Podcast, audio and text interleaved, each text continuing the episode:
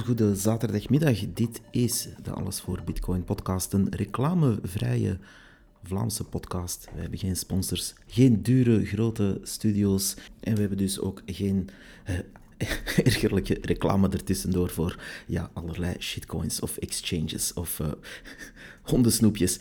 Um, Bitcoin staat vandaag op 19.230 US dollar, oftewel um, 18.460 euro. En dat is dan weer goed voor 4.013 Big Macs. We gaan vandaag gewoon een uh, stukje eigenlijk dat ik heb geschreven uh, voor de podcast en voor de website. Ik ga dat even voorlezen, wanneer je een podcast hebt, is natuurlijk nogal dom om enkel de blogpost te posten en dat dan niet zelf even voor te lezen ook. dat is reuze makkelijk voor de mensen die gewoon zijn van te luisteren. Maar er moest me wat van het hart en sommige mensen lezen liever dat soort soort stukjes als een soort van opinie. En anderen uh, ja, hebben liever dat je dat gewoon even voorleest. Dus bij deze.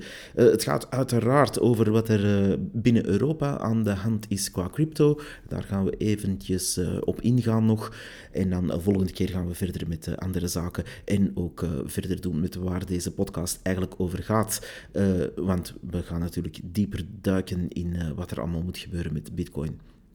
Eh, op 1 april 2022 en op 30 juni 2022 werden er eh, eigenlijk twee belangrijke reeksen voorstellen goedgekeurd in de Europese instellingen. Eh, na maanden voorbereiding zien we dus mensen als Paul Tang, Asita Kanko, Aurore Laluc en Ernest Urtasun uh, iets voorstellen. Dat zijn zowat de vier namen die daar uh, vooral uitspringen. wat hier vooral aan stoort, is dat er blijkbaar 50% groenen bij zaten, of passief groenen, zoals ik ze noem, en 20% communisten, of mensen die zich toch als dusdanig identificeren, als noemen ze zich niet zo.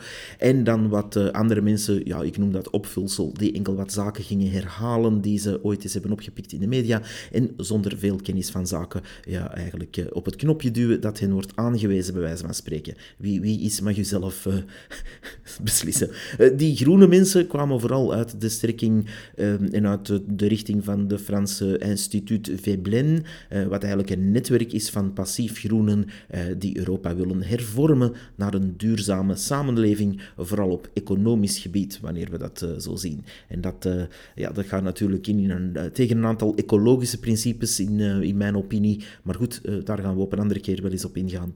Deze mensen de, denken ook echt dat ze goed werk aan het verrichten zijn trouwens. Uh, op Paul Tang na, denk ik, die effectief uh, zegt dat bitcoin eerder uh, kapot moet en daar verder niet te veel doekjes om wint. En dat is ook zijn standpunt en zijn goed recht om dat standpunt te hebben natuurlijk. Maar dat is ook duidelijk en dat zie je dan dat men zo, zo iemand op de Econ-werkgroep moet gaan zetten om een hele industrie en sector die opkomt eigenlijk te gaan voorzien van regelgeving. En uiteraard uh, maakt zo'n man dan die, uh, die regelgeving zo dat die sector eigenlijk gefnuikt wordt of kapot gemaakt wordt.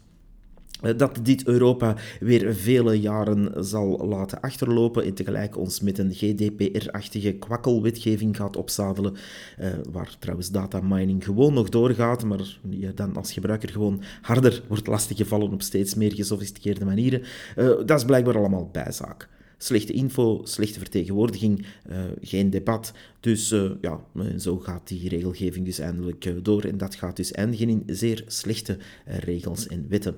Deze werkgroepen rond Econ en MICA vanuit de European Council zijn gaan overleggen met het Europees Parlement om crypto aan banden te leggen eigenlijk. Of zoals ze dat zelf steeds inkleden in hun marketing, het reguleren van het Wilde Westen. En zo is dat heel toevallig ook exact hetzelfde geformuleerd in uh, onze HLN Media. Eh, die natuurlijk zelfs niet de moeite doen om iets dat ze copy-pasten uh, nog enige aandacht te geven buiten het op het correcte plekje terug te plaatsen in hun gazetje. Maar goed, op zich is dat dus een vrij foute vergelijking, historisch gezien ook. Maar goed, de historische vergelijkingen kennen we ondertussen als het over bitcoin gaat. dat is altijd al wankel geweest. Zie naar wat er met de tulpenbollenmania altijd wordt gezegd.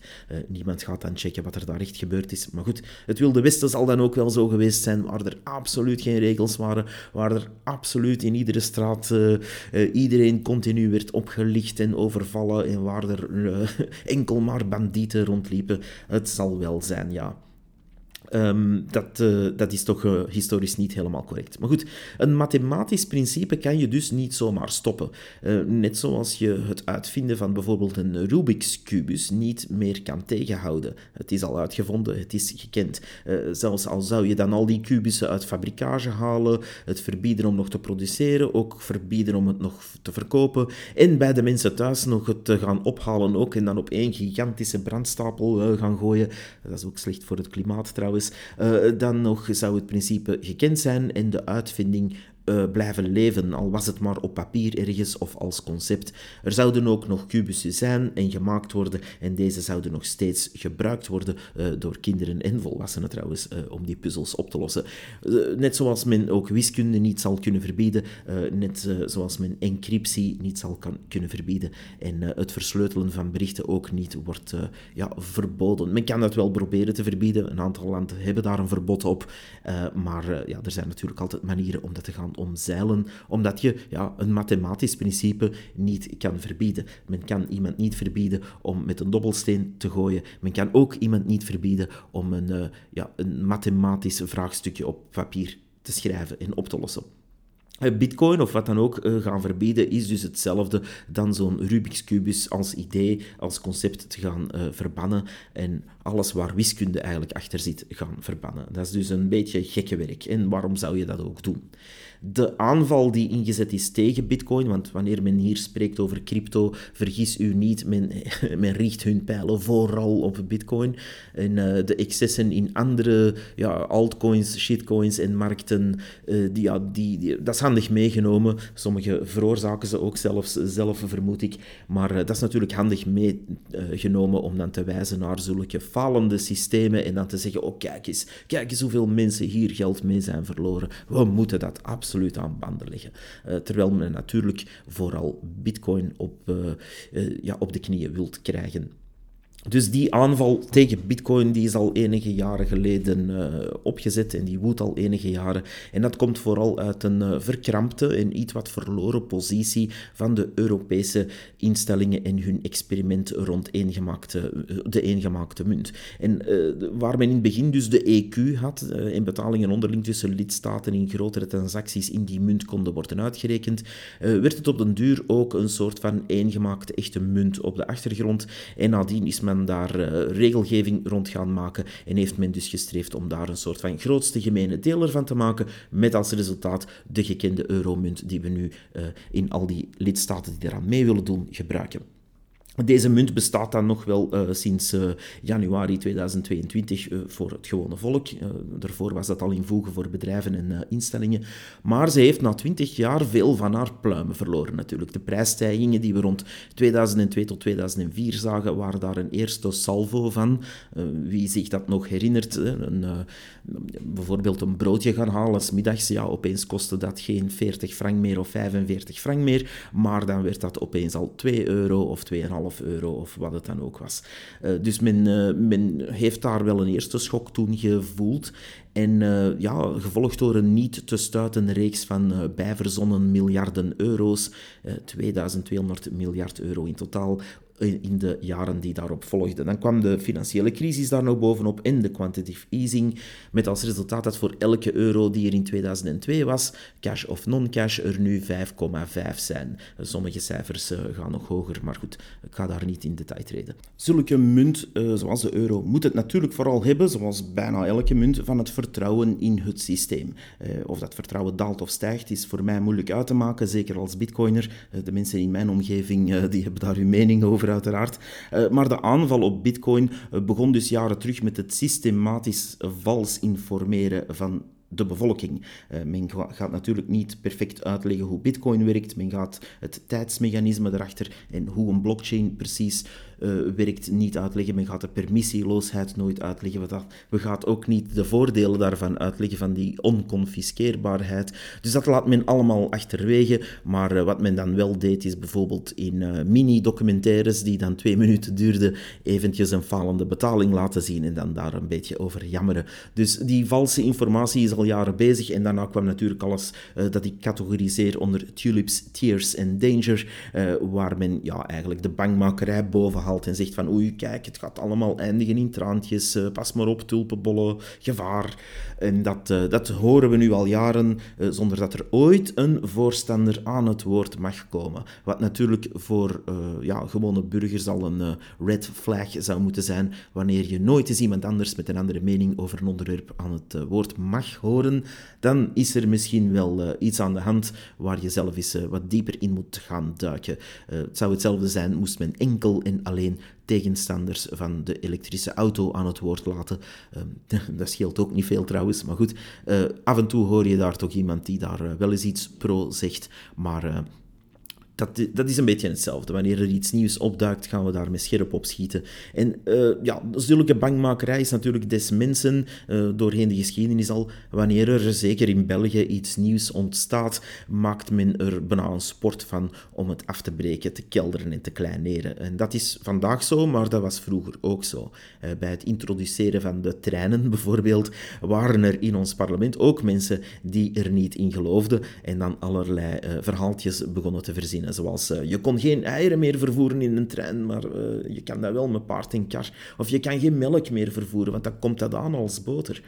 En eenzelfde idee had men toen ook over de auto's, toen die werden ingevoerd trouwens. Eh, de eerste auto's, daar moesten mensen nog met een vlag voor die auto gaan lopen om de andere mensen te waarschuwen dat er een, ja, een koets zonder paarden aankwam. En dan moest je wuiven met een vlag om te waarschuwen dat er een auto aankwam. Dus dat soort regels hebben allemaal bestaan. En op eenzelfde manier gaat men ooit lachen met mensen die Bitcoin op unhosted wallets wilden gaan regelen door er allerlei overbodige en plompe administratie rond te bouwen die absoluut niet nodig is.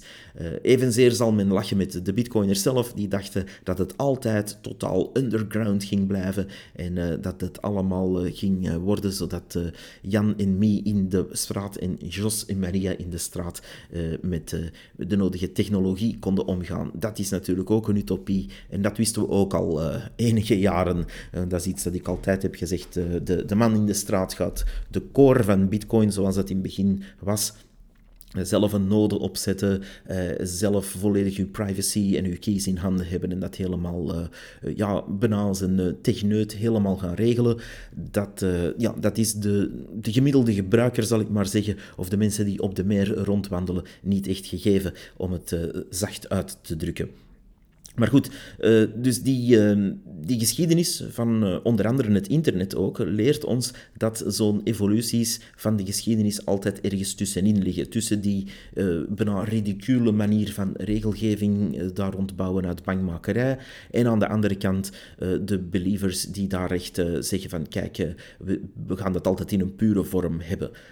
het natuurlijke van zo'n van zo'n taak is ook als gebruiker van bitcoin dan, of uh, van Bitcoin, is natuurlijk dat wij dat ook wel moeten beschermen. Want wanneer je dat niet doet, wanneer je je nooit verdedigt, wanneer je geen stem hebt, wanneer je geen vertegenwoordiging hebt, dan eindig je als een fediver waarbij de banken, de staten en de sell-outs en de parasieten met alle ideeën gaan lopen, daar een paar ja, vormpjes uithalen, zoals we zien met de QR-codes bij de banken, bij Payconic en zo, uh, dat ze daar de handige market, te marketen dingen uitvissen uh, die eigenlijk ja, er niet toe doen, die, die een gimmick zijn, een window dressing zijn. En dat de eigenlijke core, de eigenlijke uitvinding ondertussen wordt kapotgetrapt en in een hoekje uh, zit te, weg te kwijnen. Dus uh, dat moeten we natuurlijk vermijden. En als bitcoiner heb je daar denk ik eh, de taak om mensen te gaan informeren. Want via de media, vergeet het, echt vergeet het, gaat dat nooit, of ik zeg niet nooit, maar gaat het zeker niet de komende jaren gebeuren.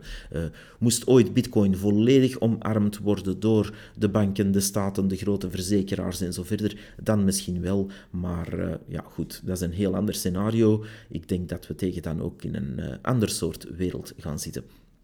Anderzijds wil ik kwijt dat het toch wel knap is dat eh, een o zo democratische, vooruitstrevende instantie als Europa en haar vele, vele instituten, die zoveel centjes kosten, en die zo inzitten met de burgers dat we die maandenlang, lange, lange debat, debatten hebben zien uh, voeren tussen de voor- en tegenstanders van deze ICON- en MICA-wetgeving. En dat we dus hebben mogen zien dat die, die, die voor- en tegenstanders ook uitvoerig in de media zijn aan bod gekomen En dat ze dus konden debatteren over het al dan niet neerhalen van onze vrijheden van transactie. Want ik kan dus in alle vrijheid een paar bits sturen naar de andere kant van de wereld en uiteindelijk heeft daar niemand zaken mee.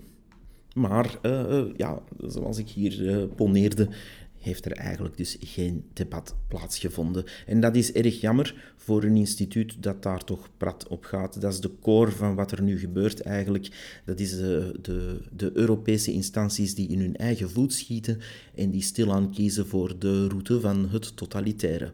Um, enkele verkozenen die eigenlijk niets van doen hadden met Bitcoin anyway en daar ook hun campagne niet hebben rond opgebouwd, want dat zou nog een andere zaak zijn als iemand zegt, kijk, ik ben een extreem groene bijvoorbeeld en, en ik ben een passief groene ook, ik wil het allemaal oplossen met regelgeving en die regelgeving moet vooral burgers treffen. Burgers, burgers moeten maar, eh, zeg maar iets, met een gewone trap naar boven gaan. Zeker niet met een roltrap, want het verbruikt elektriciteit. Dus als je dat soort groene bent, en, en dat is uw goed recht om dat te zijn, uh, wel zielig, maar goed, uh, u kan dat zijn.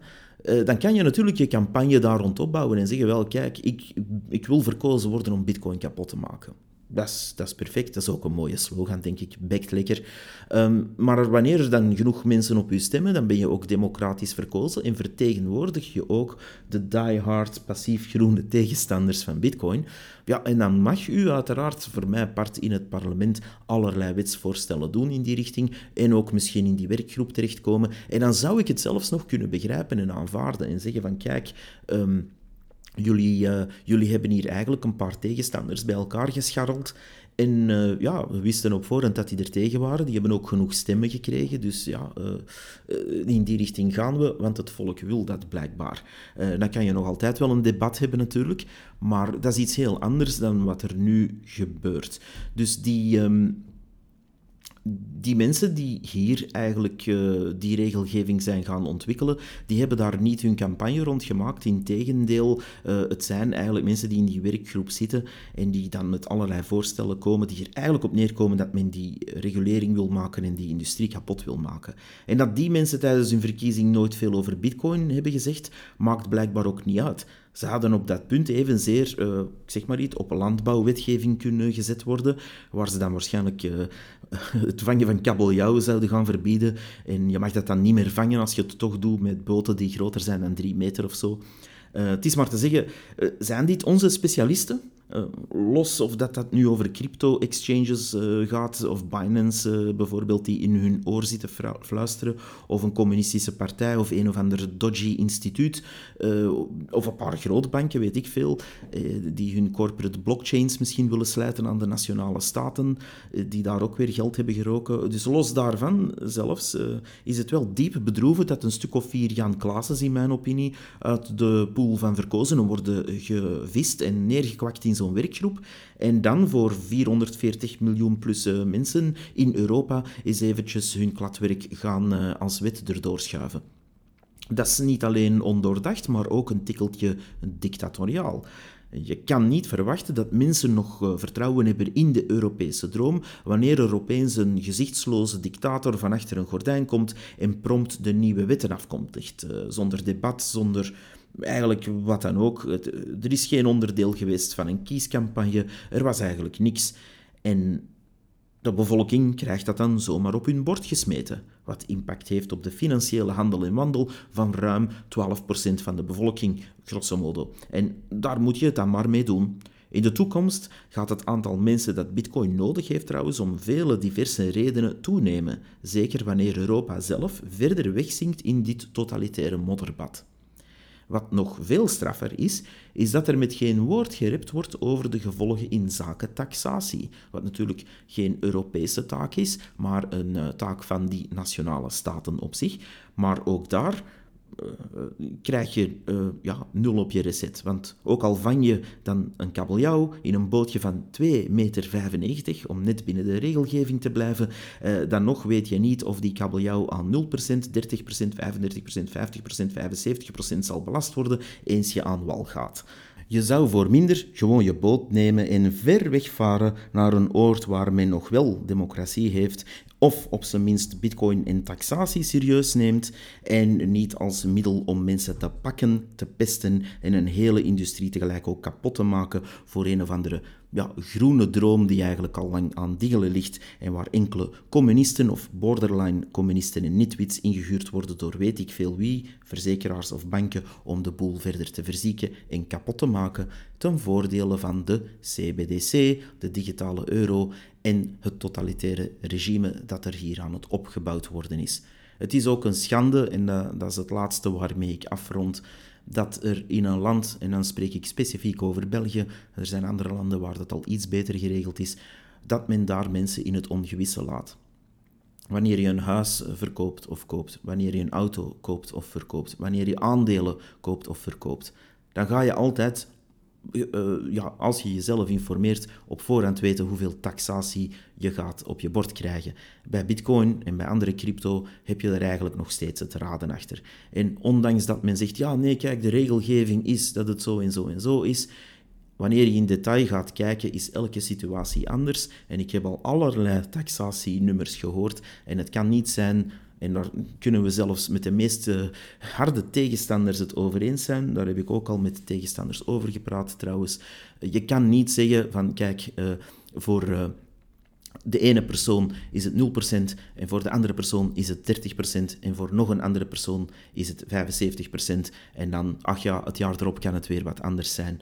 Dus je, je kan dat niet volhouden op deze manier. Dus wanneer we toch gedecriminaliseerd worden, wanneer de Far West, het Wilde Westen, weg is, wanneer er eindelijk door uh, enkele mensen uh, die verkozen zijn zo'n mooie wetgeving is opgebouwd vanuit Europa, wordt het dan niet hoog tijd, beste Belgische politici, om een correcte, normale taxatie te doen? En nog verder, ik stel de vraag, een open vraag, kunnen we niet, zoals er destijds gebeurde met de fiscale amnestie, waar zelfs openlijke mensen, oh, mensen met een openlijk fortuin in zwart geld aan 6% dat mochten gaan regulariseren en wit maken, als dat mag, om geld in het laadje te krijgen van de staat. Waarom mogen dan de crypto-traders, de mensen die bitcoin hebben, de mensen die wat dan ook voor coin hebben, waarom mogen die dan niet tegen een normale taxatiegraad gaan, zogezegd uitcashen en uit dat systeem stappen? Je wint daar alleen maar bij. Eén, je krijgt geld binnen. En ten tweede, dat zijn mensen die uit het cryptosysteem stappen. Die mensen die zeggen, oh kijk, ik vind toch de euro nog altijd beter dan coin XYZ die ik hier heb. Dus je kan daar als staat alleen maar bij winnen. Het kleine nadeel is dat je dan inderdaad ook moet toegeven dat er af en toe mensen ja, een, uit het gewone volk, die eigenlijk uw taxslaven zijn, ook eens een stapje vooruit hebben kunnen zetten in hun uh, leven en die ook eens een beetje rijker zijn geworden van heel die nieuwe industrie. En die nieuwe industrie die opkomt, om de zoveel jaar komt er wel iets nieuws. Er zijn ook mensen rijk geworden uh, op het internet door uh, allerlei internetzaakjes uit te bouwen en de eerste wat dan ook voor services uit te bouwen. Ja, mensen worden nu eenmaal rijk aan nieuwe technologie als die opkomt en je daar risico's in neemt en je daar durft in investeren. Omarm dat. En ik zou oproepen, staat, neem even mensen die echt specialist zijn. En dan heb ik het niet over de mensen die daar in Europa die wet hebben geschreven. Neem eens echte specialisten in dienst en schrijf een degelijke wetgeving rond taxatie, zodat mensen eerlijk tax kunnen betalen. ik ken ook geen enkele bitcoiner die zegt ik wil geen tax betalen. Die zullen er zeker zijn, absoluut. Maar dat heb je bij horeca-mensen ook, dat heb je bij diamantairs blijkbaar ook. En dat heb je bij politici ook, want er zijn er daar ook een paar die niet veel tax betalen. Dus Waarom geen goede wetgeving maken nu we toch allemaal gedecriminaliseerd worden door jullie prachtige Europese wetgeving die zegt dat we van A tot Z onze pas moeten laten zien voor elke transactie in een travel rule en onze unhosted wallets moeten gaan ontmaskeren en laten zien van wie die is. Wel goed, als we dat dan allemaal doen, waar blijft de correcte taxatie? Waar blijft ons recht om als burger nog als burger behandeld te worden en een normale echte taxatie te krijgen? Waar blijft ons recht? Wij zijn ook mensen. Wij zijn ook belastingbetalende Europese burgers. En het is niet omdat wij bitcoiners zijn dat wij als derde graads burgers moeten behandeld worden. En het is ook niet dat wij mensen die wij verkozen hebben dan eh, op het departement moeten zien terechtkomen waar ze niks, geen moer van kennen, maar wel even de wetgeving van 440 miljoen mensen gaan dicteren, zonder debat. Dit is gewoon totalitair. Dus waar blijft de taxatie? Waar blijft de regelgeving? Waar blijft onze vertegenwoordiging? En wanneer krijgen we verdorie in onze media ook eens een debat daarover, ook met voorstanders? Wanneer komt er eindelijk eens iets waardoor wij ook serieus genomen worden? Of moeten we allemaal in de kelder blijven zitten met onze nodes en onze hardware wallets tot jullie systeem dichtgaat en tot jullie systeem ineenzakt? Want dat is ondertussen ook bezig. We zullen elkaar nodig hebben. Europa zal bitcoin nodig hebben en de burgers vooral zullen bitcoin nodig hebben, want jullie systeem is aan het in elkaar zakken. Jullie printen maar geld bij, jullie delen het uit aan de meest criminele organisaties, jullie zetten de achterpoortjes niet dicht naar onder andere Panama en Costa Rica en noem het maar op, in Delaware, waar miljarden en miljarden zwart geld waarschijnlijk of crimineel geld of ontoken geld gewoon zit. En jullie doen alsof jullie neus bloedt en zijn ondertussen bij Janneke en Mieke de 100 euro die ze in bitcoin hebben gestoken aan het proberen losfrutselen. Jullie plan zal niet slagen. Jullie zullen ook in het midden ons moeten ontmoeten. Wij zijn bitcoiners, wij zijn er ook, wij zijn ook mensen. Bye bye.